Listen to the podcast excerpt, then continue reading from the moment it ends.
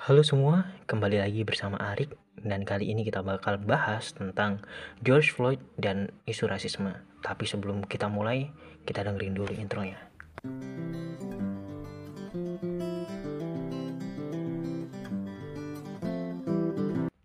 George Floyd adalah seorang pria Afrika Amerika yang mati di tangan polisi kulit putih di Minneapolis. Ketika hendak ditahan karena sebuah masalah, ia malah mati lemas karena ditindih lehernya dengan lutut oleh polisi. Bayangin, ditindih dengan lutut lehernya oleh polisi dan gak bisa bernafas. Kejadian ini mendorong munculnya banyak aksi unjuk rasa dan kerusuhan di Amerika yang bahkan terus meluas hingga detik ini. Nggak cuma di dalam negeri, Bahkan demonstrasi muncul juga di kedutaan besar Amerika di banyak negara. Padahal, kita kenal Amerika sebagai negara pelopor demokrasi yang menjunjung tinggi persamaan hak asasi.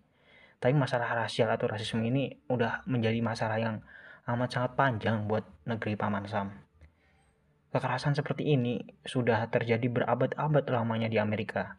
Sejak dulu, orang Amerika kulit hitam hanya dianggap budak dan hak-hak mereka dibatasi oleh orang kulit putih yang merasa yakin bahwa kedudukannya jauh lebih tinggi, rasnya jauh lebih tinggi dibandingkan kulit hitam.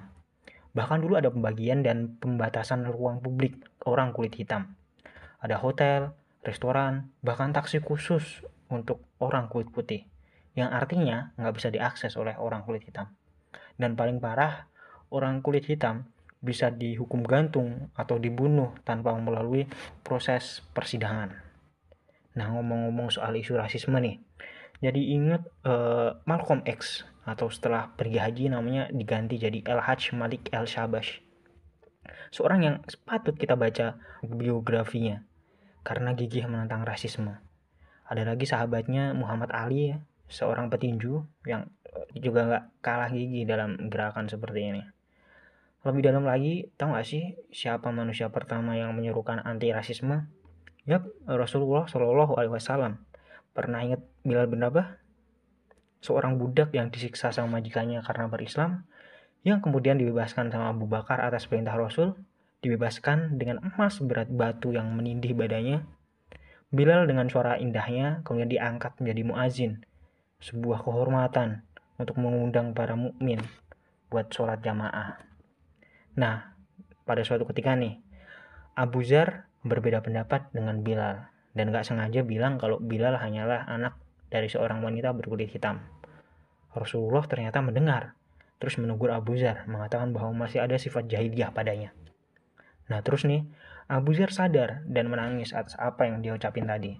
Dia kemudian minta maaf dan menempelkan mukanya ke tanah dan menyuruh Bilal mengijaknya sebagai bentuk permohonan maaf.